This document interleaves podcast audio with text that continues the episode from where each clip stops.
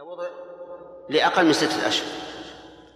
فإذا وضعت لأقل من ستة أشهر علم أنه موجود حين الموت المورث. وأنتم قلتم بهذا قبل قليل. اختلفتم ثم انعقد الإجماع على أنه وارث. ولا لا؟ أمشي. إذا ولدت بعد أربع سنوات. لا يرث ليش؟ لأن أكثر مدة الحمل أربع سنوات.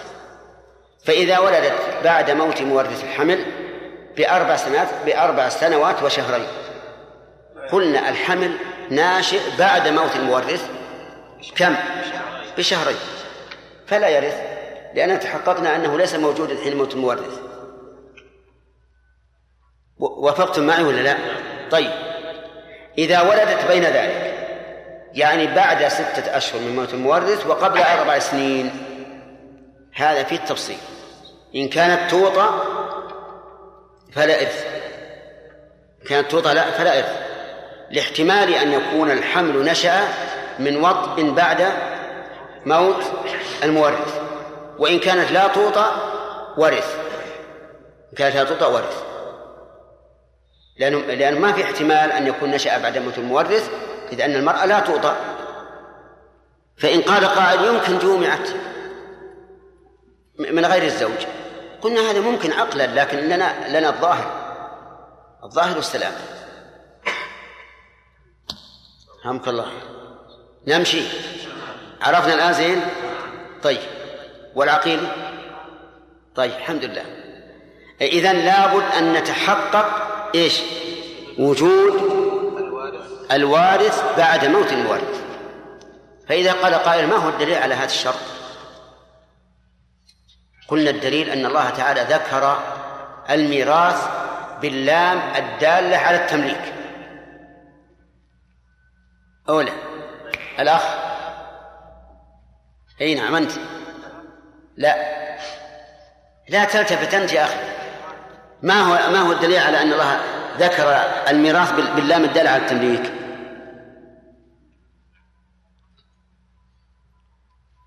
نعم. أنت. اللي وراء اللي عليه المناظر أي أنت؟ اللام للذكر مثل حظ الأنثيين. طيب. واللام للتمليك. فهل الذي فهل الذي ليس بموجود هل يملك؟ يعني غير الموجود لا يملك. إذا لابد أن نتحقق وجود الوارث ليصح أن يكون لا مالكا. ليصح أن يكون مالكا. فإن التوريث تمليك. طيب هذه واحد الثاني يقول موت المورث. موت المورث. يعني لابد أن نتحقق موت المورث. الدليل. قول الله تعالى ولكم نصف ما ترك أزواجكم. ولأبويه لكل واحد منهما السدس مما ترك. ومتى يترك الإنسان ماله؟ ها؟ بعد موته إذن لا بد من تحقق موت المورث. فعلى هذا لو غاب إنسان ولم ولم نطلع عليه على خبر فقدناه ولا ندري ما فجاء بعض الورثة الطامعين وقالوا فلان غاب. فقدناه. ما ندري لعله أخذه العدو. أو هلك ظمأ أو جوعا أو بردا أو حرا. يلا خلونا نقسم المال لا يبقى المال هكذا. الناس تمشي وتبيع وتشتري. خلونا نبيع ونشتري بهذا المال. هل يجابون على ذلك؟ ليش ما يجابون يا أخ؟ أحسن لأننا لم نتحقق موت موت المورث. لكن اعلم أن موت المورث يكون تحقيقا ويكون حكما. فالتحقيق أن يموت الإنسان بين أيدينا ونعرف أنه مات. الحكم في المفقود إذا إذا انتهت المدة المقدرة للبحث عنه. هذا نحكم بموته وإن كنا لا نتيقن. عبد الله عوض معنا؟ طيب. المفقود إذا غاب غيبة. وبحثنا عنه. دورناه. ما وجدناه. نحكم بموته. ونقسم ماله. فإذا قال الإنسان كيف تحكم بموته؟ نقول والله هذا حكم. ما هو حق ما هو بتحقيق. هو لا ندري عنه الآن هل هو موجود ولا لا لكن نبقى إلى يوم القيامة ما نقسم ماله. لا يمكن. لكن بماذا نحكم أو متى نحكم أنه مفقود؟ أنه مات؟ إذا بحثنا عنه فلم نجده وهل البحث مقدر باجتهاد أو مقدر بشرع بشرع. فيه خلاف. من العلماء من يقول إنه مقدر باجتهاد ومنهم من يقول إنه مقدر بشرع. وذلك أن الصحابة ورد عنهم التقدير بأربع سنوات والتقدير بتسعين سنة. بأربع سنوات وتسعين سنة. لكن أربع سنوات منذ فقد أو تسعين سنة منذ ولد. فيقولون إذا كان ظاهر غيبته السلامة. إذا كان ظاهر غيبته السلامة فقدر له تسعين سنة منذ منذ ولد. فإذا فقد ابن عشر سنوات كم ننتظر؟ ثمانين سنة. ما نقسم ماله. والورثة ماتوا جوعا. ونقول لا ميراث لكم إلى متى؟ إلى ثمانين سنة. إلى ثمانين سنة. طيب يا جماعة ثمانين سنة يمكن يولد الواحد ويموت قبل ثمانين سنة. يقول هذا الأمر. ثمانين سنة. طيب إذا إذا فقد وله وظاهر غيبته الهلاك مثل أن يكون هناك حرب واختطاف أو سباع ملأت الأرض تأكل تأكل الناس. أربع سنوات منذ فقد منذ فقد. فهمتم يا جماعة؟ طيب سواء فقد وهو صغير أو كبير فإذا فقد ابن عشر سنوات فقدانا يغلب على ظنه الموت يغلب على ظننا الموت. كم ننتظر؟ أربع سنوات. أي حتى يتم له أربع عشر سنة. ثم نقسم ماله وفي الحال الأولى التي ظاهر غيبة السلامة كم ننتظر؟ ثمانين سنة. أما هذا ننتظر أربع سنوات فقط لأن ظاهر غيبته الهلاك. ومثل ذلك لو غرقت السفينة في البحر فنجا قوم وفقد آخرون. هؤلاء المفقودون ننتظر ننتظرهم أربع سنوات. طيب لكن هل هذا حكم شرعي أو حكم اجتهادي؟ في خلاف والظاهر لي أنه حكم اجتهادي وأن الحاكم يجتهد في تقدير المدة سواء كان ظاهر غيبة الهلاك أو ظاهر غيبته السلامة وسواء كان كبيرا أم أم صغيرا. أفهمتم؟ شوف يدلك على هذا لو فقد ابن تسع لو فقد ابن تسعة وثمانين سنة في غيبة ظاهرها السلامة ولو تسعة وثمانين سنة كم ننتظر؟ سنة واحدة ها؟ لا يا أخي ظاهر غيبة السلامة له تسعة وثمانون سنة وفقد في غيبة ظاهرها السلامة طيب فقد ابن تسعة وثمانين سنة في في غيبة ظاهرها الهلاك أربع سنوات. مش هذا معقول هذا؟ إذا كان ظاهر السلامة نقول سنة وإذا كان ظاهر الهلاك أربع سنين. واضح التناقض في هذا؟ إذن نقول إن الصواب أن هذا اجتهاد. فيجتهد الحاكم. يجتهد الحاكم في البحث عنه. وتعلمون أن الناس يختلفون. رجل إذا فقد يمكن أن نعلم أن نظن ظنا قريبا من العلم أنه هالك مثل أن يكون رأسا في قومه. ما يمكن يفقد إلا ويعلم عنه. هذا يغلب على ظنه أنه هالك. لكن يجي إنسان عامل يتنقل في البلاد على أنه عامل ولا يعرف إلا ببطاقته هذا يدخل في الناس ويمكن يفقد ألف سنة ما يدرى عنه. أليس كذلك؟ إذن المرجع للاجتهاد فالناس يختلفون في ظهورهم في المجتمع وخفائه كذلك أيضا البلاد. بعض البلدان تكون ضابطة لبلادها. لا يدخل أحد إلا وهو معلوم ولا يخرج إلا وهو معلوم. وبعض الناس حدودها مفتوحة. كل يدخل يخرج ما يدرى عنه فهذا أيضا فرق. فالصواب إذا خلاصة الأمر أنه إذا فقد الإنسان فإن الحاكم يبحث عنه حتى إذا غلب على ظنه أنه هلك حكم إيش؟ بهلاكه وموته وقسم ماله. إذن موت المورث نقول إما حقيقة إيش؟ وإما حكما. فالحقيقة أن يكون أمامنا مات وعرف أنه مات. الحكم في المفقود إذا مضت المدة المضروبة للبحث عنه فإننا نحكم بموته ويورث ماله. الشيء الثالث اقتضى التوارث. هذا من أهم ما يكون. اقتضى التوارث يعني أن نعلم المقتضي للإرث. أن نعلم المقتضي للإرث. واحد جاني من الناس قال والله اللي مات هذا ابن عمي. ابن عمي. من قبيلتي طيب وش وش صلتك به؟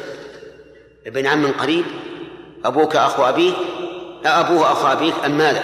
قال لا هذا من القبيلة. ما يكفي. لابد أن نعرف الصلة بهذا. لأنه إذا قال أنا من القبيلة يمكن فيه من القبيلة أناس أقرب منه. فيكون إشكال. فلا بد أن نعلم لماذا كان هذا وارثا لهذا. ومعنى اقتضى التوارث يعني أن نعلم بالجهة المقتضية إيش؟ للإرث. فلا يكفي أن نعلم أنه قريب فقط. بل لا بد أن نعرف ما صلته بهذا الميت؟ عم أخ ابن عم ابن أخ. نعم لو فرض لو فرض أننا لم نجد أحدا إلا هذا الذي قال أنا قريب وثبت أنه قريب فحينئذ ربما نحكم بأنه وارث وننظر إلى أكبر هذه القبيلة نورثه. لأن أكبر القبيلة يظهر يظهر لنا أنه أقرب الناس إليه. المهم لابد أن نعلم إيش؟ إيش؟ بالجهة المقتضية للإرث من كونه أبا أو ابنا أو عم أو خالا نعم أو عما أو أخا أو ما أشبه ذلك. لا بد من هذا. ما يكفي أنه قريب أو أنه وارث حتى نتبين. فهذه الشروط كم؟ ثلاثة. الشرط الأول تحقق وجود الوارث بعد موت المورث والثاني تحقق موت المورث أو إلحاقه بالأموات كالمفقود. والثالث العلم بالجهة المقتضية للإرث. العلم بالجهة المقتضية للإرث. طيب لو جاءنا رجلان يشهدان بأن هذا الرجل هو وارث الميت. قال نشهد إن فلان وأرث فلان. هل يكفي أو لا؟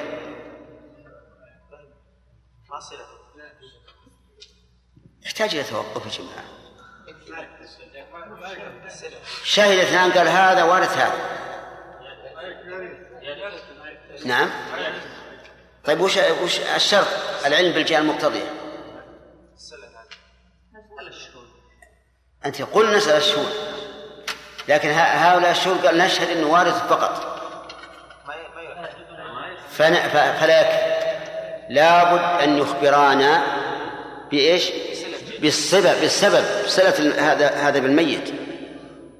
طيب فإن قال نشهد أنه وارث ولا وارث له غيره هذا نأخذ هذا نأخذ به إن لم يدفع هذا إن لم تدفع هذه الشهادة وارثا معلوما. فإن دفعت الشهادة وارثا معلوما فحينئذ نقول لا. المعلوم لا يدفع بالمضمون أعلم أعلمون بالجهة المقتضية للإرث لأنهما قد يظنان أنه وارث وهو من ذوي الأرحام وعندنا عصبة. فإذا كان هناك وارث معلوم فلا بد من أن يقول في الشهادة إنه ابن عمه أو ابن خاله أو ما أشبه ذلك. وإلا فيكفي الشهادة بأنه وارث لا يعلم أن له وارث غيره. ثم قال باب من يرث من الذكور. الوارثون إما ذكور وإما إناث وإما لا ذكور ولا إناث. صح؟ إما ذكور وإما إناث وإما لا ذكور ولا إناث. ها؟ لا. إيه إما ذكور وإما إناث وإما ذكور وإناث يعني في الاجتماع قصد الأخ عبد الله لكنها ليس هذا قصدنا إحنا قصدنا الجنس يعني ليس قصدنا أن أن يجتمع في المسألة الواحدة ذكور وإناث. هذا معلوم. لكن الجنس الوارثين إما ذكور وإما إناث وإما لا ذكور ولا إناث. وهو الخنث المشكل. الخنث المشكل ما هو ذكر ولا أنثى. ولذلك الخنث المشكل لا يتزوج ولا لا يزوج ولا يتزوج. لأنه مشكل. إن زوجه أنثى يمكن يصير أنثى. إن زوجه ذكر يمكن يكون هو ذكرا. ما في إشكال. فيبقى مشكلا إلى أن يتوفاه الله وإن شاء الله يجد إن كان من أهل الجنة يجد الزوجة هناك. طيب. على كل حال الآن نرجع إلى الميراث. الورثة إما ذكور وإما إناث وإما لا ذكور ولا إناث. لكن المؤلف قال باب من يرث من الذكور. الوارثون من الذكور عدهم رحمه الله. وقد سبق لنا بارك الله فيكم قواعد في الذي يرث من الأصول. وقواعد في الذي يرث من الفروع. وقواعد في الذي يرث من الحواشي. هذه القواعد السابقة أحسن بكثير مما عد المؤلف لأنها أخصر وأجمع. لكن نقول ما قال المؤلف اتباعا للتأليف يقول الوارث ابن هذا واحد وابنه هذا اثنين. إذن الأبناء وأبناء الأبناء وإن نزل. صح؟ البنت. لكن من الإناث وستأتي نحن الآن نتكلم عن الوارثين من الذكور. ابن وابنه. طيب ابن البنت؟ لا لأن المؤلف يقول وابنه ابن من؟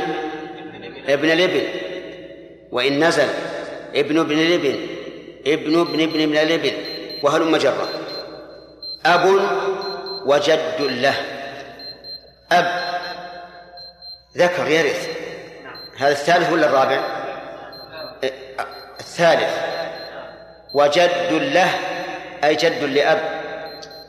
احترازا من الجد لأم. فيرث الأب. ويرث أبو الأب ويرث أبو أبي الأب ويرث أبو أبي أبي الأب. صح؟ ويرث أبو الأم. ليش؟ لقوله له. أنتم الآن نتكلم على كلام المؤلف ولا على القواعد السابقة؟ لأنه مدرم بأنثى. لا لكن على كلام المؤلف. نقول المؤلف يقول جد له. أي للأب. فخرج به الجد للأم. وزوج وزوج. واضح الزوج؟ طيب ومطلق الأخ يعد. مطلق الأخ أي الأخ مطلقا. فيشمل الأخ الشقيق والأخ لأب والأخ لأم. أه ومطلق الأخ يعد والعم. العم. لكن العم لأب. أو العم الشقيق. أما العم لأم فلا. أنتم معنا؟ طيب. آه العم الشقيق أو لأب تمام؟ طيب. ابن لهما. ابن لهما. لمن؟ أصبر. للعم والأخ. للعم والأخ. فالضمير في لهما يعود إلى العم وإلى الأخ لأنهما أقرب مذكور. لكن اشترط المؤلف إن أدلى بالأب كل منهم. إن أدلى بالأب كل منهم. طيب. كل منهم ولا كل منهما؟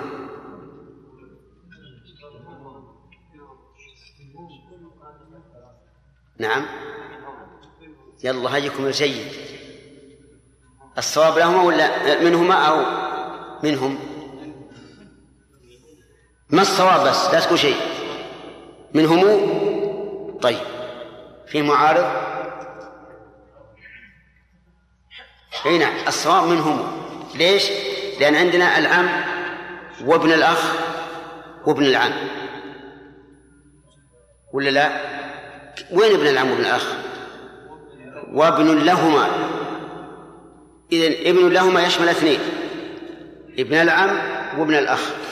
والعم هذا الثالث إذن إن أدلى بالأب كل منهم يعني العم إن أدلى بالأب ابن العم إن أدلى بالأب ابن الأخ إن أدلى بالأب.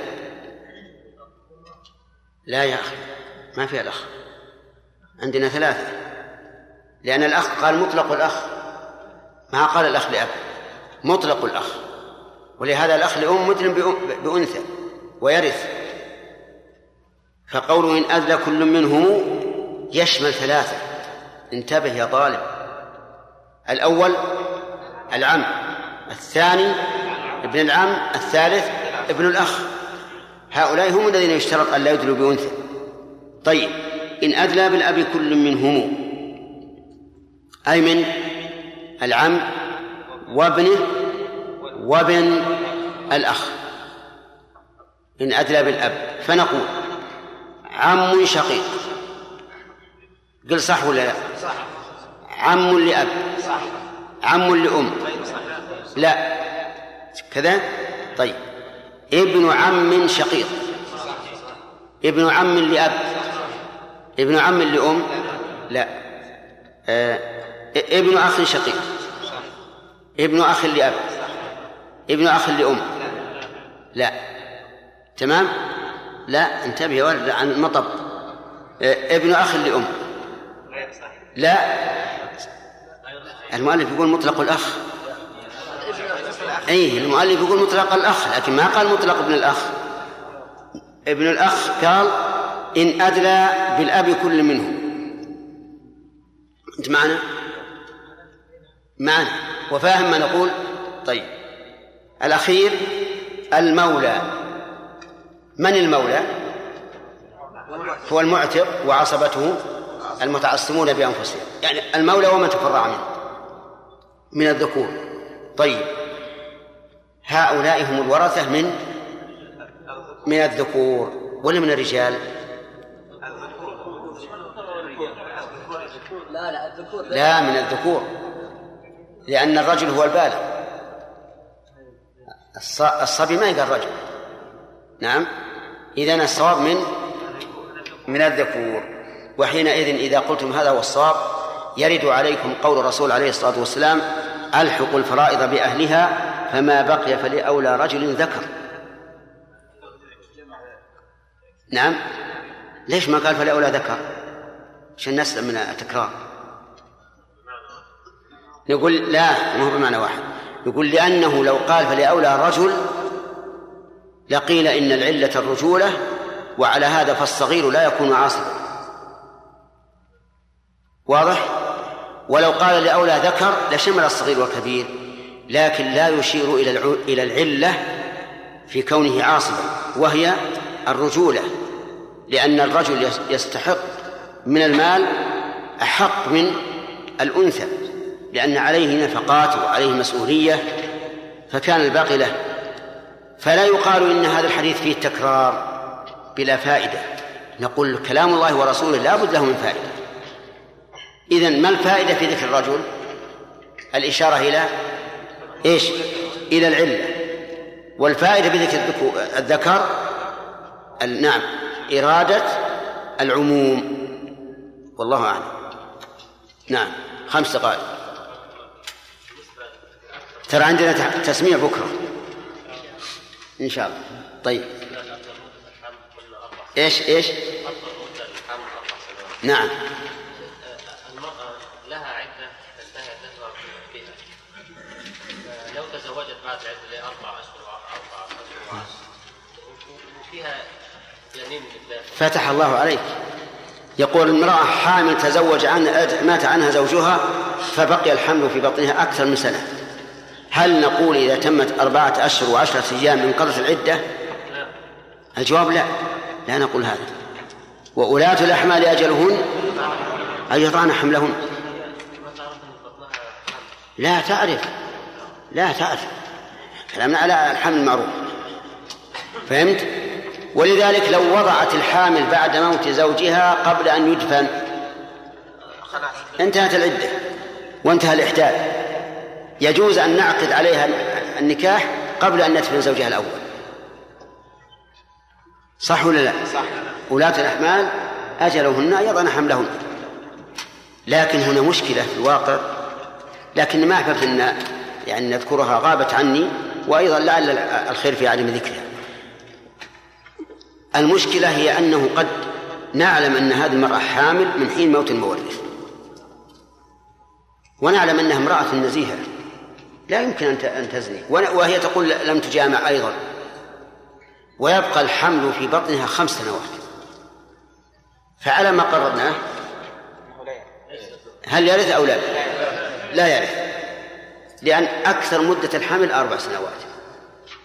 لكن هناك قول آخر يقول إن الحمل إذا تيقن فلا عبرة بالسنين.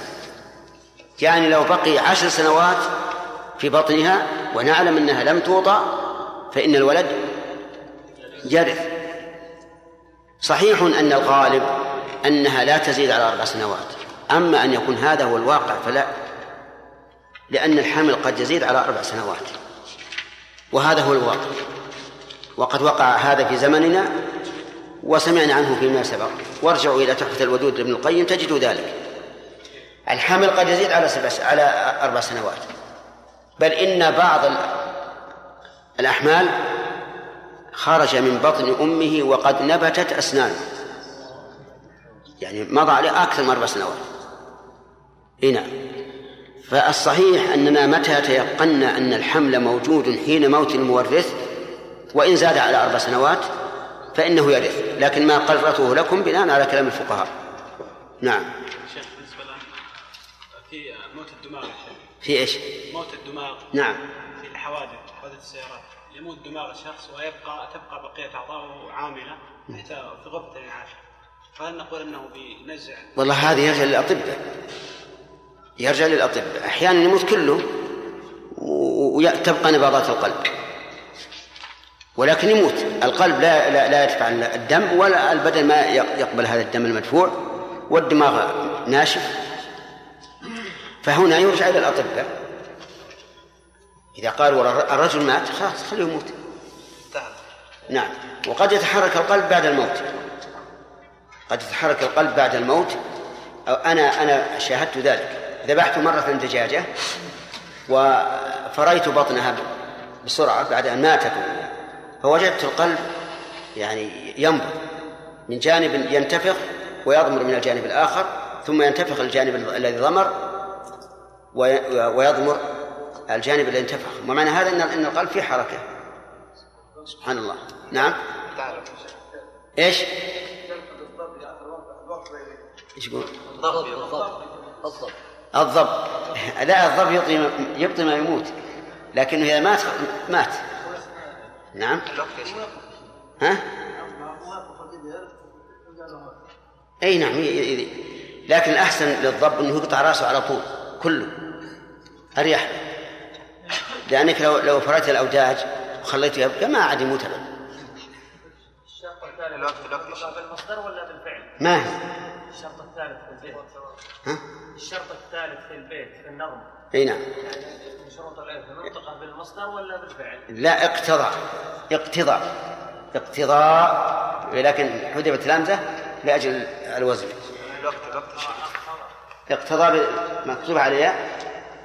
قرأ اقتضى هكذا. سمعت ها، اقتضى إيه لا لا. لا الصواب اقتضى.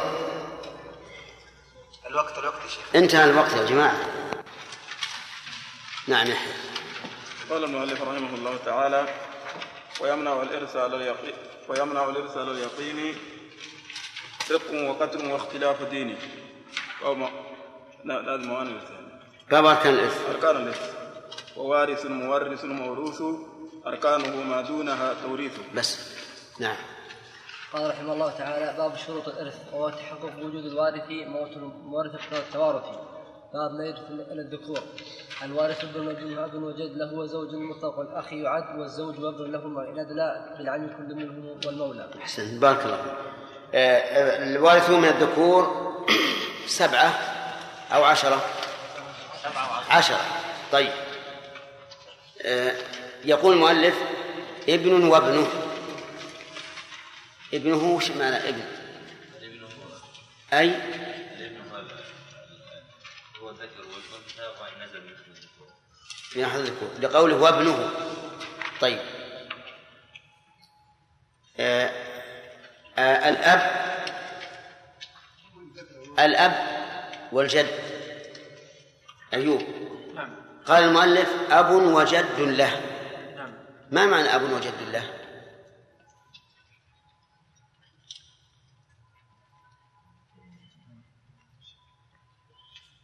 أب معروف.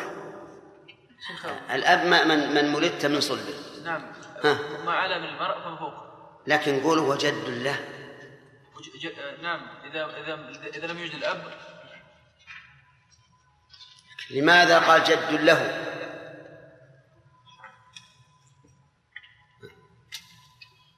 يخرج جد الأم. صحيح. ليخرج الجد من قبل الأم. فليس من من الورثة. ما معنى قوله مطلق الأخ؟ يعني الأخ من الأب وال- والأخ من الأب والأم والأخ من الأخ الشقيق. طيب. الأخ من الأب أو الأخ من الأم أو الشقيق. طيب قوله إن أدلى بالأب كل منهم أو كل من أو كل منهما. الذي على العمود.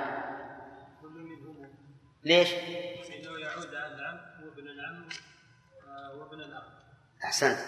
يعود على العم وابن العم وابن الأخ. طيب آه الأخ. أي. ما تقول في ابن الأخ من الأم؟ ها؟ من اللي يكلم الآن؟ ارفع يده. لا ما هو أنت. أنا أريد هذا. أي أنت. لا تعلم.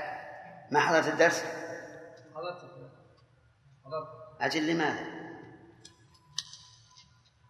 يعني أول درس أي هذا أول درس. طيب إذا أول درس يكون تمرين. نعم. ابن الأخ لأم لماذا؟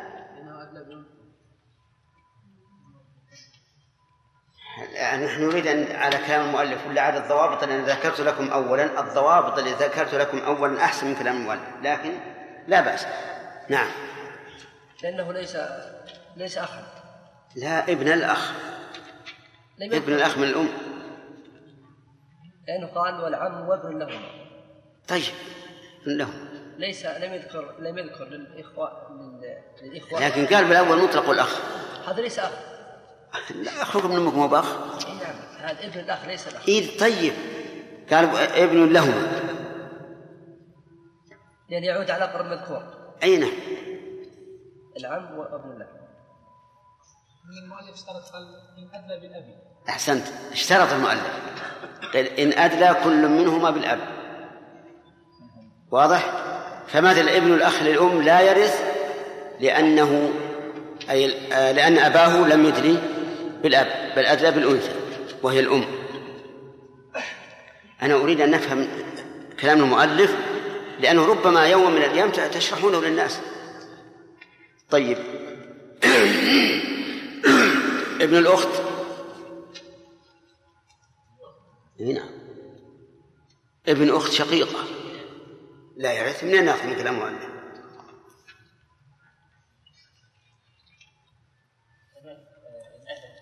ها؟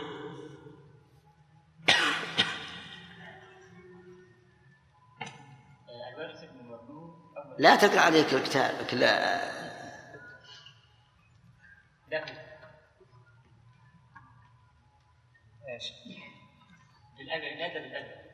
نعم. لكن هذا ابن كنت أي ابن أخت شقيقة مدلة بالأب. ابن أخت شقيقة وهي مدلة بالأب. شيخ. يحيى. قال هو ابنه ابن من؟ ابن الابن يعني. يخرج ابن الابن. لا. أيوه شيخ. شيخ. نعم. صحيح. لأن المؤلف قال مطلق الأخ. والأخت به أخ. أليس كذلك؟ طيب إذا ابنه أي ابن الأخ؟ لكن اشترط في ابن الأخ أن يكون مدليا بالأب. وعلى ابن الأخ من الأم لا يرث وابن الأخت الشقيقة لا يرث. أما ابن الأم فلأنه اشترط أن يكون مدلا بالأب وهذا مدل بالأم. وأما ابن ابن الأخت الشقيقة فلأنه قال مطلق الأخ ثم قال وابنه. والأخت ليست من الأخ حتى نقول تدخل في قوله مطلق الأخ. فاهمين يا جماعة؟ وأنا أقول لكم مرة وأكرر الضوابط التي قلناها لكم اجعلوها هي الميزان. لكن لا بد لنا أن نشرح كلام المؤلف. إنما الضوابط التي يعتمدها الطالب هي ما ذكرناه لكم. لأنها ضوابط حاصرة مريحة طيب آه، قوله والمولى من المراد به؟ الأخ.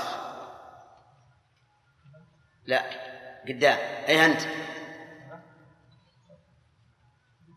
ارفع يدك. يا أنت. أي نعم. هي شيخ.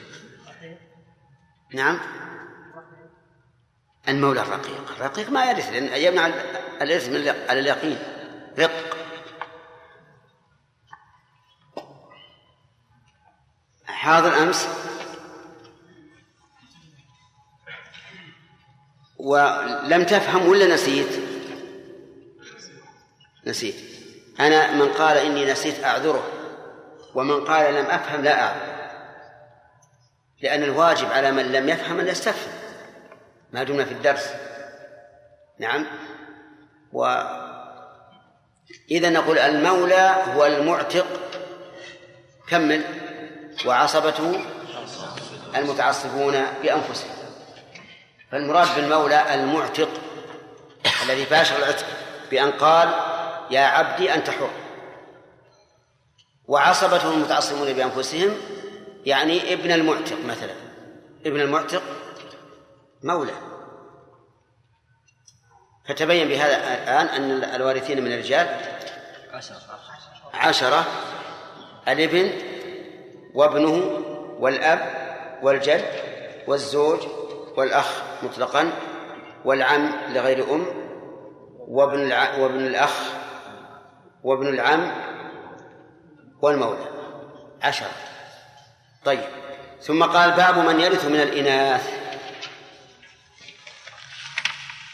ووارث من الإناث الأم. وارث خبر مقدم. والأم مبتدا مؤخر. ويجوز على رأي على الرأي الكوفي أن يكون وارث خبرا مقدما. نعم أن يكون وارث مبتدأ مبتدأ. والأم فاعل أغنى عن الخبر. وإلى هذا يشير ابن مالك في الألفية بقوله وقد يجوز نحو فائز أولو الرشد.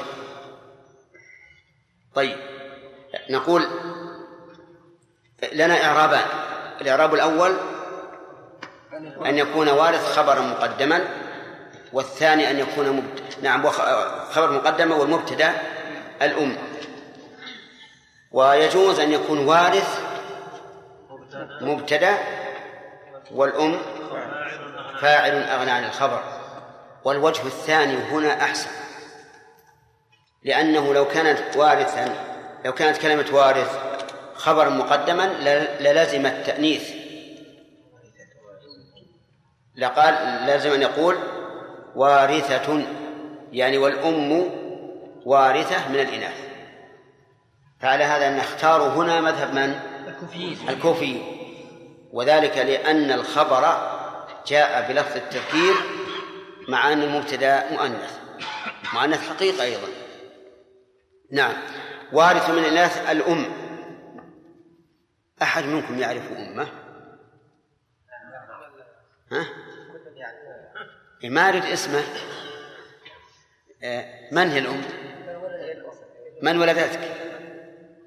إن أمهاتهم إلا اللائي ولدنا إذن الأم من ولدتك؟ بنت. كل يعرف البنت. من خرجت من صلبه وبنت ابن لها تؤم يعني تتبع. إذا الأم والبنت وبنت الابن كم هذه؟ ثلاث. والزوجة أربعة. الجدة. الجدة الصفة للزوجة. ها؟ كيف؟ ليه وين وين حرف عطف؟ محذوف من أجل إقامة الوزن. والأصل والزوجة والجدة. الأخت. نقول فيها ما قلنا في الجدة. ولكن يقول رحمه الله مطلقا ما معنى مطلقا؟ أي سواء كانت شقيقة أو لأب أو لأم. ومن لها الولاء قد تحقق وهي المعتقة. هؤلاء سبع. عدها الأم والبنت وبنت الابن والزوجة والجدة والأخت وذات وذات الولاء. سبع. أنتم معنا الآن؟ طيب. أما الأدلة فهي معروفة. أدلة كون هؤلاء وارثين واضح من القرآن والسنة والظاهر أنه لا حاجة بكم إلى ذكرها وإن شئتم ذكرناها. ها. يحتاج إلى ذكرها ولا لا؟ طيب. نعم. وارث من الإناث الأم. لقول الله تبارك وتعالى وورثه أبواه فلأمه الثلث. البنت لقول الله تبارك وتعالى وإن كانت واحدة فلها النصف. آه الثالثة بنت الإبن لأنها داخلة في مسمى البنت بالإجماع لكنها دونها في المرتبة. الزوجة ولهن الربع مما تركتم الجدة لأنها داخلة في مسمى الأم. طيب الأخت وله أخ أو أخت فلكل واحد منهما السدس وفي آخر السورة إن امرؤ هلك ليس له ولد وله أخت فلها نصف ما ترك. الولاء قول النبي صلى الله عليه وسلم إنما الولاء لمن أعتق ومن هذه اسم الموصول تعمل هؤلاء السبع من النساء كلهن وارثات. ثم قال باب الفروض المقدرة في كتاب الله. اعلم أن الإرث يكون تارة بالفرض وتارة بالتعصيب وتارة يجمع بينهما من وجه واحد وتارة يجمع بينهما من وجهين. كم الأقسام؟ نعم. تارة بالفرض فقط وتارة بالتعصيب فقط وتارة بهما من وجه واحد وتارة بهما من وجهين. الأقسام يا عقيل. كم؟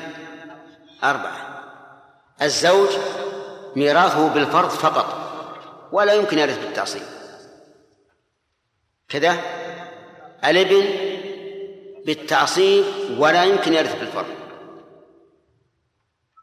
بالفرض والتعصيب من وجه واحد الأب مع إناث الفروع. الأب مع إناث الفروع يرث بالفرض والتعصيب من وجه واحد. كهالك هلك عن بنت وأب. نقول للبنت النصف وللأب السدس فرضا والباقي تعصيبا. إذا ورث بالفرض والتعصيب من حيث كونه أبا يعني من وجه واحد. بالفرض والتعصيب من وجهين كزوج هو ابن عم يعني ماتت أنثى عن زوجها وهو ابن عمها وليس لها وارث سواه. فهنا هذا الزوج يرث بالفرض على أنه زوج وبالتعصيب على أنه عاصر من وجهين ولا من وجه واحد؟ من وجهين. يعني من حيث كونه زوجا ومن حيث كونه ابن عم. هذه الأقسام. ما دام الورثة ينقسمون إلى هذه الأقسام فلا بد أن نعرف هذه الأقسام. فنقول الفروض المقدرة في كتاب الله عز وجل. الفروض المقدرة في كتاب الله هي ستة. اسمع. يقول والف نعم. بالفرض والتعصيب إرث ثبتا يعني أن الأرض أن الإرث ثبت بالفرض والتعصيب. فإن قال قائل أليس هناك قسم ثالث يسمى ذوي الأرحام؟ قلنا بلى. لكن إرث ذوي الأرحام مبني على الفرض والتعصيب. لأن لأن ذا الرحم يرث بالواسطة. يرث بالواسطة. وهذه الواسطة قد ترث بالفرض وقد ترث بالتعصيب. وعلى هذا فإنه لا يخرج من التقسيم. فإنه لا يخرج من التقسيم. وإن كان بعض العلماء ذكره قسما ثالثا من أجل الخلاف لأن بعض العلماء لا يرى الإرث. نعم لا يرى لا يرى الإرث بالرحم المجردة. فقول المؤلف بالفرض والتعصيب إرث ثبت لو أورد مورد وقال لماذا لم يذكر ذوي الأرحام؟ يعني من يرث بالرحم قلنا الجواب من وجهين. إما أن يكون المؤلف لا يرى الإرث بالرحم وإما أن يكون يرى ذلك والإرث بالرحم لا يخرج عن كونه فرضا أو أو تعصيبا وذلك لأن الوارث بالرحم يرث بالواسطة وواسطته إما أن يرث بالفرض وإما أن يرث بالتعصيب أفهمتم يا جماعة؟ طيب بنت العم بنت العم الشقيق ترث بإيش؟ بالرحم لكنها عاصبة لأنها أدلت بعاصب كذا ابن الأخت يرث بإيش؟ بالفرض لأنه أدلى بالأخت وهي ترث بالفرض. فصار الجواب من وجهين الوجه الأول الأخ. ها؟ أنه لا يرى الإرث. نعم بالرحم. الوجه الثاني اترك يرى هذه خلها جانب لأن إلى الآن ما ندري عنه. أن ذوي الأرحام إذا ورثوا لا يخرجون عن الإرث بالفرض أو التعصيب. لماذا؟ لأن إرثهم فرع عن غيرهم وهذا الغير إما أن يرث بالفرض وإما أن يرث بالتعصيب. كذا. والواقع أن المؤلف رحمه الله ذكر في هذا الكتاب إرث ذوي الأرحام مع أن الشافعية رحمهم الله لا يرون إرث ذوي الأرحام. فلا ندري هل المؤلف أدخل ذوي الأرحام في هذه المنظومة لأنه يرى إرثهم أو من أجل أن يكمل ما ذكره أهل العلم الآخرون. على كل حال لا يخرج الإرث عن الفرض والتعصيب حتى إرث ذوي الأرحام. فالفرض في الكتاب ستة أتى. هل لحنت أنا؟ فالفرض في الكتاب ستة أتى. ها؟ أنا لحنت الآن؟ لا. فالفرض في الكتاب ستة أتى. لحنت لا. ستة لم ألحن وستة لم ألحن. نعم. نعم لأنه يجوز فيها الوجهان. يجوز أن يقال فالفرض أتى ستة. فتكون ستة حالا. ويجوز أن تقول فالفرض ستة. فتكون خبرا للفرض. نعم. إذا يجوز الوجهان باقي الوجه الثالث لا يجوز وهو الجر. ستة لا يجوز. فالفرض في الكتاب ستة أتى والمراد بالكتاب هنا القرآن. فأل في الكتاب للعهد الذهني. وهي آه، ربع وثلث نصف كل ضعفه. لله در الكلام كأنه عجين بيده. الآن ذكر الفروض الستة في نصف بيت. نعم؟ في نصف بيت ذكرها. ربع وثلث. هذا نص على الربع والثلث. الربع واحد من أربعة والثلث واحد من ستة. ها؟ انتبه يا ولد. الثلث واحد من ستة ولا واحد من ثلاثة؟ واحد من ثلاثة. طيب. نصف كل. ما نصف الثلث؟ يا إخوان أنا أسأل ما نصف؟ لا تقولوا والله تجيبون بغير ما سألتكم كأنك تقول يا جماعة ترى يعرف. هذا غلط. ما هو نصف الثلث؟ ما ضعفه؟ الثلثان. نصفه السدس وضعفه الثلثان. طيب.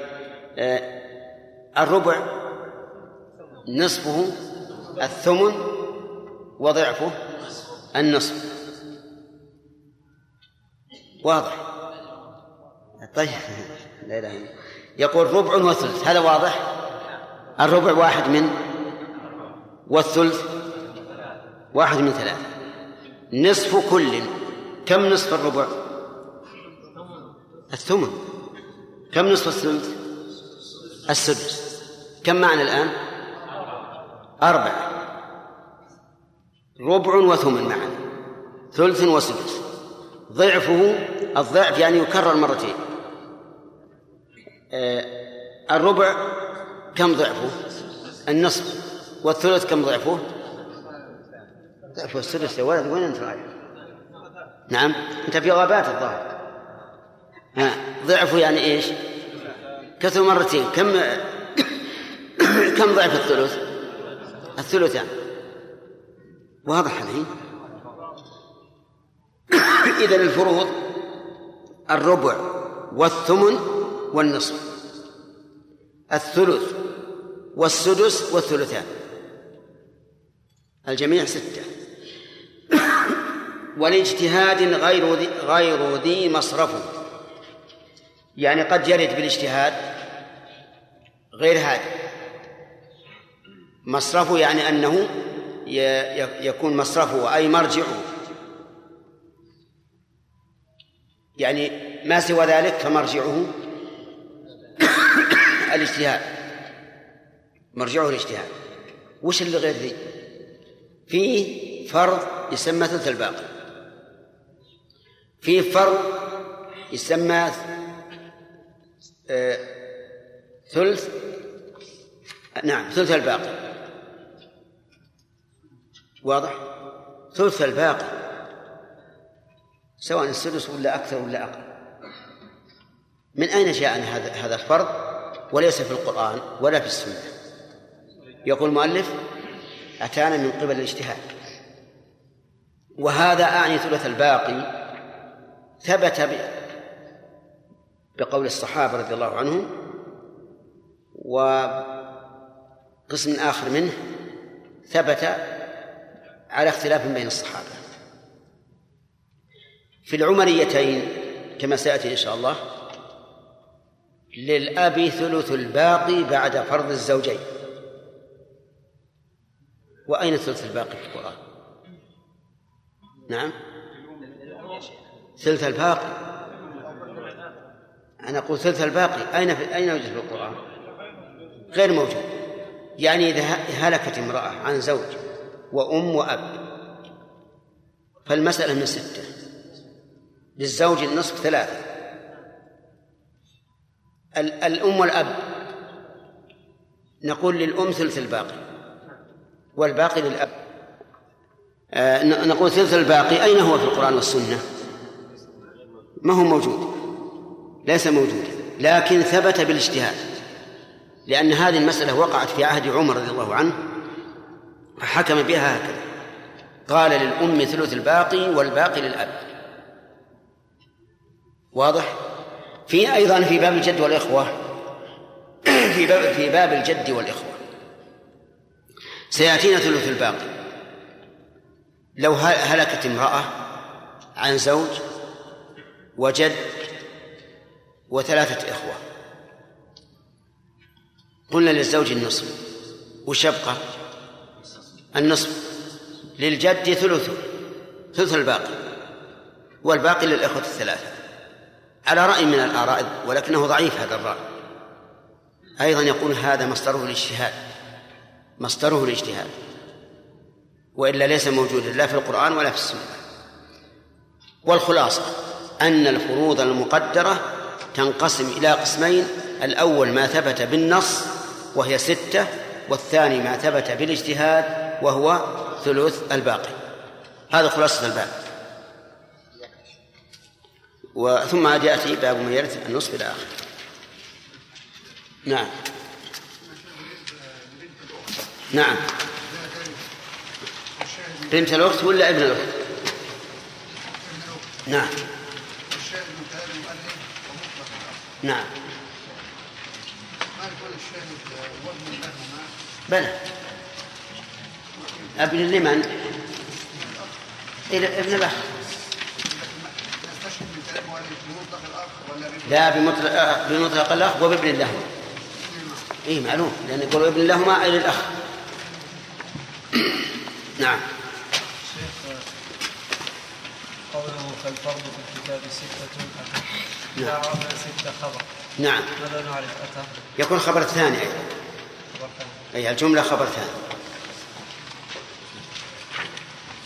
وارث من الإناث الأم قلنا خبر عن الوارث والمبتدأ والأم خبر نعم. معنى الوارث من الإناث هو الأم وما عطف عليه.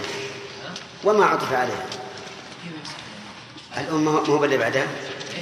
وما عطف أننا نحن كم مو على على نعم قلنا الأم الوارث الأم والجدة والأخت وهكذا. معطوف. نعم. صار أكثر بالعطف. الآن لو أقول لك غير هذا التركيب اللي قال المؤلف. لو قلت لك ال- ال- الوارث الأم والجدة وال- والبنت وبنت الابن إلى آخره. يستقيم ولا ما يستقيم؟ هذه. لو قلت لك يرث ترث الأم ترث الأم والجدة والبنت وبنت الإبن. يستقيم نعم. أم الجد ها؟ أم الجد أي جد؟ يعني أم أبي الأب كيف شيخ؟ نعم. يعني كيف أنها تلد أي نعم لأنها جدة. ما هي جدة؟ فليس الجدة هي أم الأب وأم الأم فقط الأم فقط. لا. ذكرنا ان القاعدة في في من يرث من الإناث في الأصول ها. كل أنثى كل أنثى كل كل جدة وكل أنثى لم بينها وبين مسبوق صح. الوارث من, من, من الأصول من الإناث. كل أنثى لم يكن بينها وبين الميت ذكر قبله. عرفت الضابط؟ أم أم أبي الأب. ليس بينها وبين ذكر قبله. انثى أم أبي الأم لا ترث لأن قبلها لأن بينها وبين الميت ذكر قبله. انثى وهذه مجمع عليها في أم الأب و أم أي في أم الأب الإجماع أم أب وأم أم أب وأم أم أب أب. نعم وأم أم أب. لكن أم الجد وأم أبي الجد وأم أبي أبي الجد فيها خلاف. والصحيح أنها وارثة وأن الجدة التي لا ترث هي من كان بينها وبين الميت ذكر مسبوق بأنثى. نعم. يرث ها؟ أمهات أم الجد. يرث؟ إي نعم. المهم إذا كان بينها وبين الميت ذكور خلص. فهي ومن وراءها من الإناث كلها وارثة الوقت انتهى. نعم. لأبي إذا انفردنا مع فقد العصر باب من بس بس. بسم الله الرحمن الرحيم. الحمد لله رب العالمين وصلى الله وسلم على نبينا محمد وعلى آله وأصحابه أجمعين. آه، ما هو أنواع الإرث؟ نعم. نعم. أحسنت. فرض وتعصيب. فالفرض أظن شرحناها. نصيب مقدر شرعا لوارث. هذا الفرض. الفرض نصيب مقدر شرعا لوارث. والتعصيب نصيب غير مقدر. طيب. أيهما أقوى الإرث بالفرض أو التعصيب؟ يحيى. التعصيب أيهما؟ نعم. ما تدري؟ والتعصيب. لا يسقط بحال صح. الفرض أقوى لأن لأن الوارث به لا يسقط بحال. حتى لو استغرقت الفروض التركة وجب وزادت وجب أن تعول. أما العاصب فله ما بقي فإن لم يبق شيء. سقط لا شيء له. إذن الإرث بالفرض أقوى من الإرث بالتعصيب. طيب. كم كم الفروض المقدرة في القرآن؟ هي ستة. النصف. والربع. والثمن. والثلثين. والثلث. والسدس. والسدس. أحسنت. ستة فروض. الأول النصف. دليله؟ أنت. أنت. ها؟ أحسنت. ولكم نصف ما ترك أزواجه. الربع دليله. الربع مما تركتم طيب. الثمن دليله. ها؟ لا تعرفه لماذا وأنت حاضر؟ دليل الثمن يا جماعة. نعم كان لكم ولد فلا ولد لكم نعم فإن كان لكم ولد فلهن الثمن مما تركتم. الثلثان. دليل سعد شلون؟ وين هي؟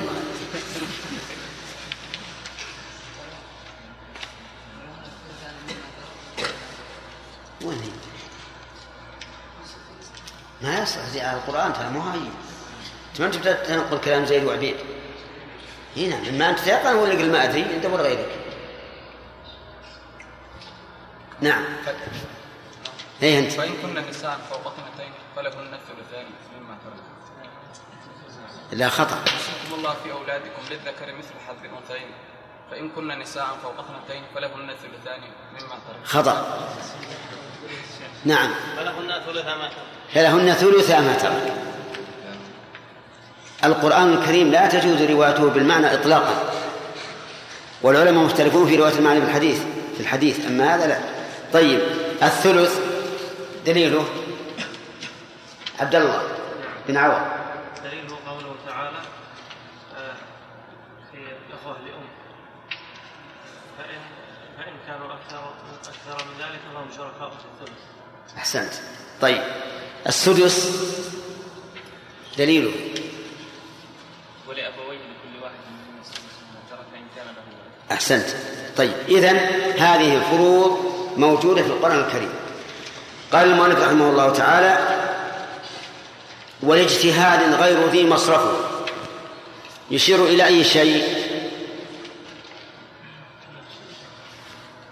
نعم. أنت؟ خطأ. نتكلم عن الفروض الآن. خطأ. إلى ثلث الباقي. أحسنت. يشير إلى ثلث الباقي. لا يا. ثلث الباقي يكون في العمريتين ويكون في باب الجد والإخوة. على الخلاف الذي سيأتينا إن شاء الله. إذا يشير إلى ثلث الباقي. يقول ثلث الباقي ما هو موجود في القرآن؟ ولا في السنة ولكنه بالاجتهاد. ويأتي إن شاء الله تعالى الكلام عليه في باب العمريتين. ثم قال باب من يرث النصف. اعلم أن العلماء علماء الفرائض انقسموا في تأليف الفرائض إلى قسمين. قسم سلك طريق القرآن وقسم آخر سلك طريقا آخر. أما الذي سلك طريق القرآن فإنه يذكر الوارث وأحواله. فيقول مثلا الأم تارة ترث الثلث وتارة ترث السدس وتارة ترث ثلث الباقي. ويتكلم على ذلك. وهذه طريقة القرآن. لأن الله تعالى يذكر الوارث وأحواله. وقسم آخر راعوا الفروض. فقال فبوبوها على هذا. من يرث النصف قسم. ومن يرث الربع قسم. ومن يرث الثمن قسم وهلم جرا وأيهما أحسن؟ الثاني. الثاني أعوذ بالله. أحسن. الأول لا شك لأن طريقة القرآن لا لا شيء أحسن منها. وهو أيضا مع كونه طريقة القرآن أحصر للذهن. لأن الإنسان يأخذ الوارث ويعرف أحواله. أما كون الأم مثلا تارة نراها نجدها في الثلث وتارة نجدها في السدس وتارة في ثلث الباقي وكذلك الزوجة مرة مع أهل الربع ومرة مع أهل الثمن والزوج والأخت والبنت وما أشبه ذلك هذه تشتت الذهن. يشتت الذهن بلا شك. ومع هذا سوف نضطر إلى أن نمشي على ما مشى عليه ضياء الحق. على ما مشى عليه المؤلف. ويمكن إن شاء الله في النهاية آه، نستخلص خلاصة ونعرف أحوال كل وارث على حدة. أصحاب النصف يقول النصف للزوج إن الفرع فقد. للزوج الذكر أو الأنثى؟ ذكرنا أن الزوج في اللغة العربية يصلح للذكر والأنثى. لكن الفرضيين سلكوا اللغة الأخرى الضعيفة وهي أن الزوج للذكر. وللأنثى؟ الزوجة. من أجل البيان والإيضاح. فقول المؤلف للزوج يريد به الذكر لكن اشترط شرطا وهو إن الفرع فقد. فما هو الفرع؟ سبق لنا أن الفرع هم الأبناء والبنات وإن نزلوا. الأبناء والبنات وإن نزلوا. يعني من تفرعوا عنك من بنين أو بنات. إذن للزوج النصف إذا عدم الفرع إيش؟ الوارث. المؤلف ما ذكر الوارث. لأنه لا يحتاج إلى هذا القيد إذ أن من لا يرث لا ليس له حكم إذا كان هو لا يرث فكيف يحجب؟ فالمراد به الفرع الوارث. وعلى هذا فإذا مات زوج فإذا ماتت امرأة عن زوجها وأخيها فللزوج النصف لأن ما في فرع وارث. عن زوجها وابن ابنها. لا لا تقول الربع لأن ما, ما وصلنا. قول ليس له النصف. ليس له النصف لماذا؟ لوجود الفرع الوارث. عن زوجها وابن بنتها. النصف. ليش؟ لأن الفرع هنا غير وارث. لأن الفرع الوارث كما سبق من ليس بينه وبين الميت أنثى وهذه بينها وبين ميت أنثى. إذن إذا هلكت امرأة عن زوجها وابن ابنتها فللزوج النصف. عن زوجها وبنت ابنها فللزوج الربع. يعني ليس له النصف نعم طيب. هذا واحد. شف الأول شرطه واحد. الأول من الخمسة الذي ذكر المؤلف شرطه واحد. ما هو؟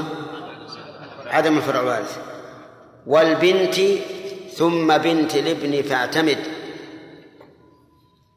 أيضا نصف البنت وهي التي ولدت لصلب الإنسان. فلو هلك هالك عن بنت وعم فللبنت النصف. ثم بنت الابن قول ثم بنت الابن أتى بثم لأن بنت الابن لا تأخذ النصف مع وجود البنت. لا تأخذ النصف مع وجود البنت كما سيأتي إن شاء الله. إذا بنت الابن تأخذ النصف بشرط أن لا يوجد فرع أعلى منها بشرط أن لا يوجد فرع أعلى منها والدليل قول المؤلف ثم بنت الابن فأتى بثم الدالة على الترتيب. إذا بنت الابن تأخذ النصف إذا لم يوجد فرع وارث أعلى منها.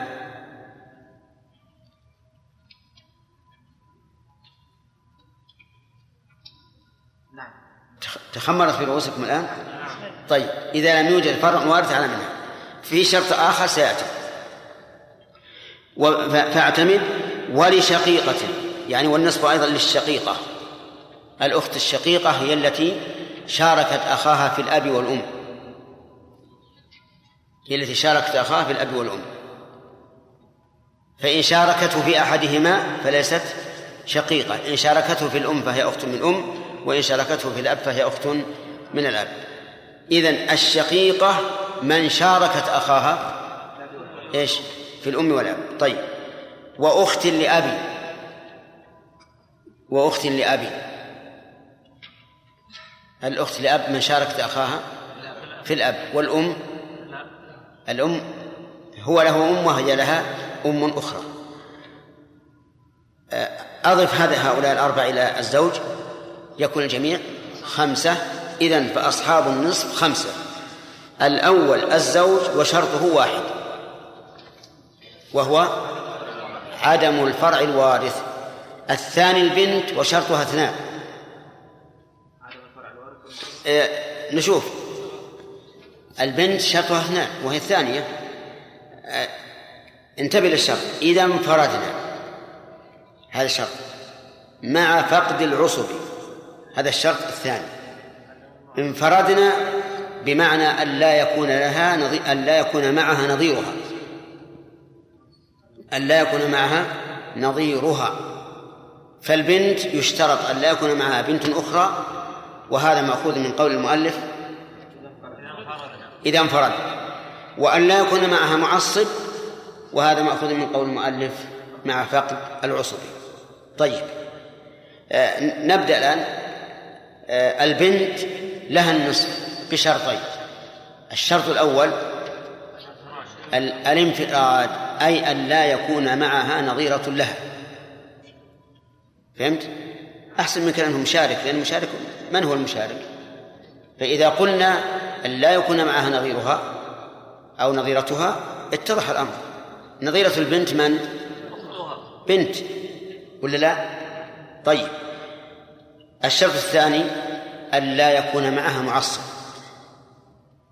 فلنضرب أمثلة. هلك هالك عن بنت وعم.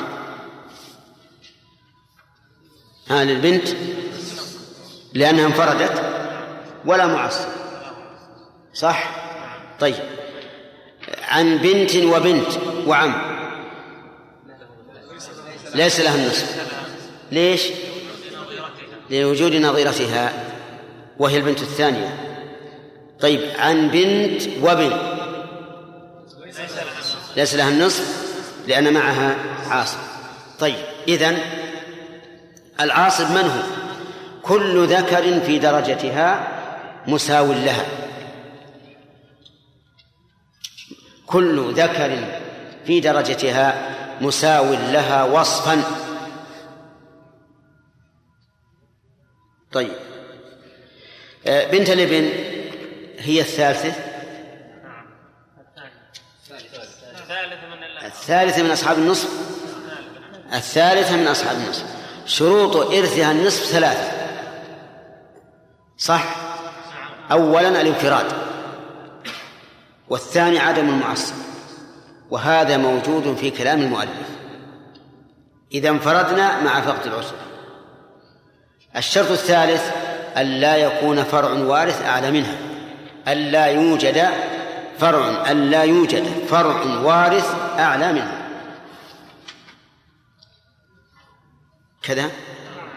طيب ننظر. هلك هالك عن بنت ابن وعم. طيب عن بنت ابن وبنت ابن أخرى مع وعم. ليس لها النصف لوجود نظيرته عن بنت ابن وابن ابن. ليس لها النصف لأنها معها معصب عن بنت وبنت ابن. أسأل عن بنت الابن. ليس لها النصف لوجود فرع وارث أعلى منها. عن ابن وبنت ابن. ليس لها النصف لوجود فرع وارث أعلى منها. فكانت الشروط الآن ثلاثة. الانفراد عدم المعصب عدم فرع وارث أعلى منها. تمام؟ طيب. بنت بنت. وبنت. أصبر بنت بنت. وبنت ابن ابن. لها النصف؟ للثانية النصف. ليش في بنت البنت أرفع منها درجة؟ ليست بوارث. ونحن نقول أن لا يوجد فرع وارث؟ وارث أعلى منها طيب الأخت الشقيقة هي الرابعة. ولا لا؟ هي الرابعة. ترث النصف بأربعة شروط. ترث النصف بأربعة شروط. آه، الشرط الأول الانفراد. والثاني عدم المعصب والثالث أن لا يوجد فرع وارث والرابع أن لا يوجد أصل من الذكور وارث. أعيد مرة ثانية. الانفراد وعدم المعصب. مأخوذ من قول المؤلف إذا انفردنا مع فقد العصب الشرط الثالث ألا يوجد فرع وارث. والشرط الرابع ألا يوجد أصل من الذكور ها وارث. وإن شئت فقل ألا يوجد ذكر من الأصول وارث. ألا يوجد ذكر من الأصول وارث. وأصل من الذكور وارث. يجوز ولا لا؟ يجوز. لكن أيهما أوضح؟ ذكر من الأصول وارث أو أصل من الذكور وارث؟ الظاهر الأول أقرب للوضوح. الشروط أربعة الآن عدها. لا عدها واحد عين واحد. الأول الانفراد الثاني عدم المعصب الثالث عدم وجود الفرع الوارث عدم وجود ما حاجة وجود لأن وجود هي العدم. عدم نعم. الرابع عدم الأصل الوارث من الذكور أي اخترت العبارة الثانية. إحنا قلنا عدم ذكر عدم ذكر من الأصول وارث لا إله إلا الله. الآن نأخذ الأمثلة. آه، شقيقة وعم. الشروط تامة؟ طيب. شقيقة وشقيقة أخرى. ليس لها النصف لوجود نظيرته شقيقة وأخو شقيق.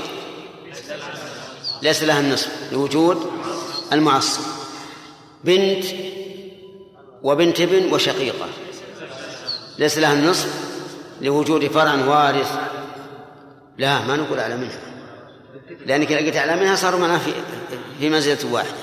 لا آه ما نقول أعلى منها. أن لا يوجد فرع وارث. طيب شقيقة وأب ليس لها النصف لوجود لوجود ذكر من الأصول وارث. نعم؟ هذه العبارة ما تعودت عليها. لوجود ذكر من الأصول وارث تمام ولا لا؟ طيب الرابعة شروطها كم؟ أربعة. لا لا أنا قلت لكم كل واحدة شروطها على مرت... منزلتها. الخامسة الأخت لأب. الأخت لأب لها خمسة شروط. الانفراد وعدم المعصب وعدم الفرع الوارث وعدم الذكر من الأصول الوارث. كذا؟ والخامس عدم الأشقاء من ذكور أو إناث. يعني أن لا يوجد شقيق ولا شقيقة.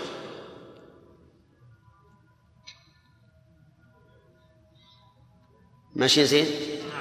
خمس شروط طيب هلك هالك عن أخت لأب وعم. لها النصف؟ الشروط تامة الآن؟ طيب. عن أخت لأب وأخت مثلها. ليس لها النصف. عن أخت لأب وأخت وأخ لأب. عن أخت لأب وأخ لأب. لوجود المعصب عن أخت لأب وأخت شقيقة. ليس لها النصف. لوجود الشقيقة واضح يا إخوان؟ اذا شروط إرث الاخت الأخت لأب النصف كم؟ خمسة. خمسة شروط. طيب الواقع أننا لا نحتاج إلى ذكر الأدلة لكن ذكر الأدلة خير. انتهى الوقت أظن؟ نخليها إن شاء الله غدا. ولا بد من من تسميع أظن. إن شاء الله. لا بد غدا من التسميع والمناقشة في في هؤلاء وشروطهم. نعم.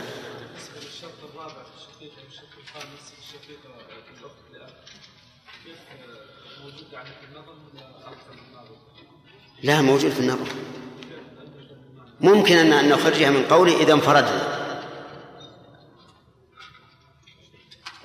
إذا انفردنا. ما نقول عن عن عن أنثى نظيرتها نقول عن كل من يرث النصف. لكن هذا ما يستقيم لأن عندنا الزوج قد تأخذ الشقيقة النصف مع الزوج. ثم أنه سيأتينا إن شاء الله في باب الحجب ما يدل على ذلك. نعم. إيش؟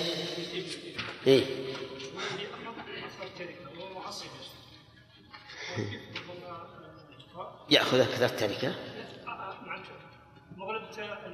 أكثر ما التركه هو؟ يكثر يأخذ أكثر تركه اقصد هو أكثر ما ياخذ من نعم من البيت وغيره طيب إذا وجد مثلا آه، أب وأم وزوج. وابن يأخذ أكثر تركة الآن ولا لا؟ ها؟ يأخذ أقل من النصف. الأب والأم لهم الثلث والزوج له الربع هذه سبع من اثنى عشر. والابن خمسة. إيه. خلاص بطل السؤال؟ طيب. نعم. نعم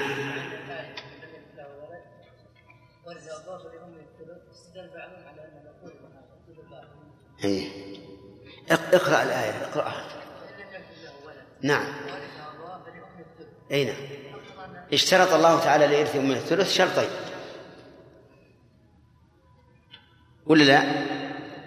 ها؟ الشرط الأول أن لا يكون له ولد والشرط الثاني أن يرثه أبواه اصبر مو كذلك؟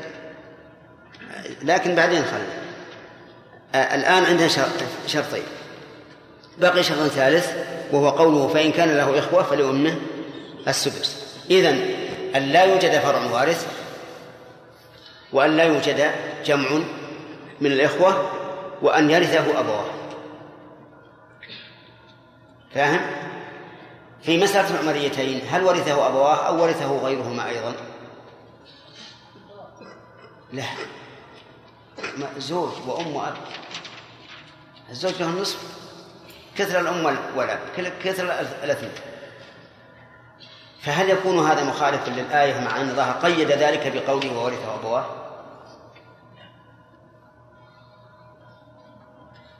ها؟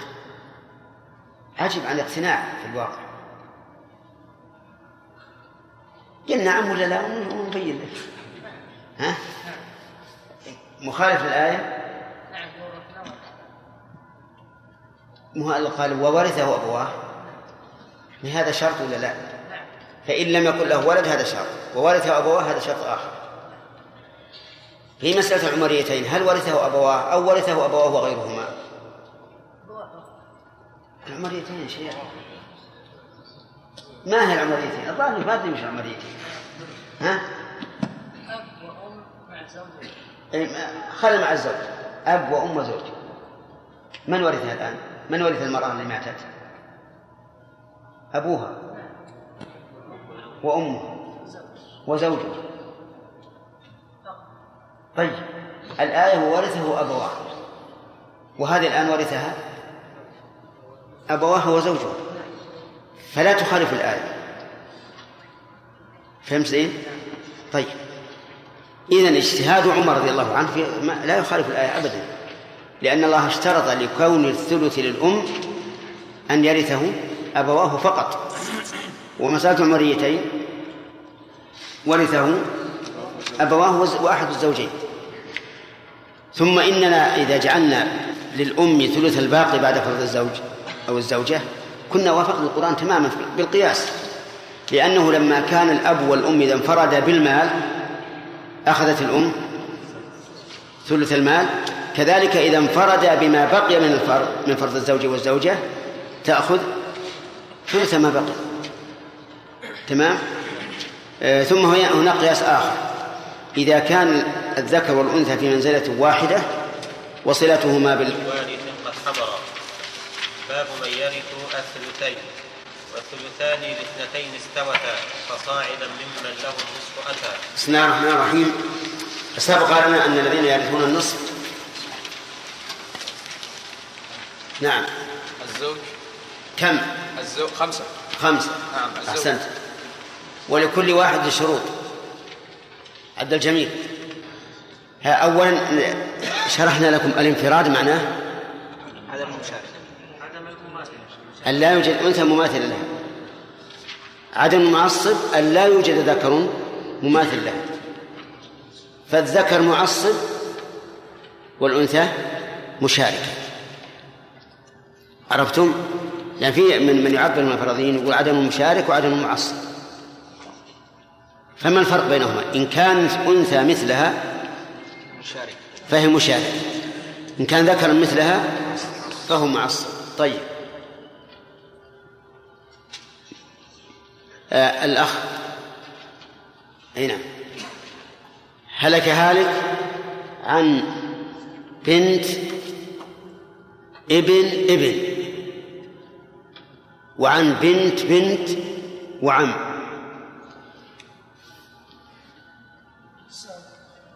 السؤال هلك هالك؟ ها؟ من؟ هذا نعم. هل تأخذ بنت الابن هنا النصف أو لا؟ نعم تأخذ النصف. تأخذ النصف؟ في بنت بنت أعلى منها. إيه، لكن ليست فرعا وارثا ليست فرعا وارثا فتأخذ إذا بنت ابن ابن تأخذ النصف. وبنت البنت؟ لا ترث لا ترث أحسنت. صحيح؟ تمام. إن شاء الله أن أدركنا ميزة النصف. وأنا أشير عليكم بأن تكثروا من المسائل. من إيراد المسائل سواء بعضكم مع بعض أو إنسان يأخذ ورقة بيضاء ويكتب مسائل. يكتب مسائل هلك هالك عن كذا ثم يحلها ويكثر لأنها تحتاج إلى تمرين. مثل النحو يحتاج إلى إعراب. لو أنك عرفت النحو لكن ما تعرف تعرف ما ما, تست... ما تستطيع أن تقوم اللسان. كذلك في الفرائض. الفرائض محتاجة غاية الاحتياج إلى كثرة الأمثلة والتمرين. ولا نحب أن أن آه، يعني نستغرق وقتا كثيرا في ذلك وكل إنسان معلم نفسه. ثم قال باب من يرث الربع. ها؟ في تسميع؟ طيب آه، نخليها بعد. لأن الربع والثمن ناخذهن لأنهم سهلات. باب من يرث الربع الربع واحد من أربعة. والربع فرض الزوج مع فرض اللزم وزوجة فصاعدا إذا عدم إذن الذي يرث الربع صنفان الزوج أو الزوجة. فمتى يرث الزوج الربع؟ إذا وجد فرع وارث. وإليه أشار بقوله مع فرع لزم يعني أن أنه إذا وجد فرع وارث فللزوج الربع دليل ذلك قوله تعالى ولكم الربع مما تركنا فإن, فإن كان لكم ولد فلكم الربع مما تركنا. فإن كان لهن ولد فإن كان لهن ولد فلكم الربع مما تركنا. وزوجة فصاعد إذا عدم. من الذي عدم؟ الفرع الوارث. فإذا الزوجة فرعها فرضها الربع. بشرط أن لا يوجد فرع وارث. لقوله تعالى ولهن الربع مما تركتم إن لم يكن لكم ولد. ف... ف... وقوله فصاعدا. صاعدا هذه حال. صاحبها محذوف وعاملها محذوف. والتقدير فذهب العدد صاعدا. ذهب العدد صاعدا. ما الذي يصعد في الزوجة؟ الثنتين والثلاث والأربع والخمس والست والسبع والثمان. لا يمكن أو أكثر بعد. يمكن كيف يا شيخ؟ والتسع أي. يقول العلماء إن الإنسان إذا طلق زوجته في مرض موته المخوف فإنها ترث منه وعلى هذا فلو طلق زوجاته الأربع أربع زوجات طلقهن في مرض موته المخوف وانتهت عدتهن وهو لا زال في مرضه ثم عقد على أربع يصح العقد ولا ما يصح؟ يصح. لا يصح. انتهت العدة. انتهت العدة. عقد على أربع ثم مات. كم يرثه؟ ثمان. ثمان زوجات. والتسع أيضا. التسع. مثلا طلق واحدة من الأربع الجدد. نعم. ثم. انتهت عدتها ثم تزوج.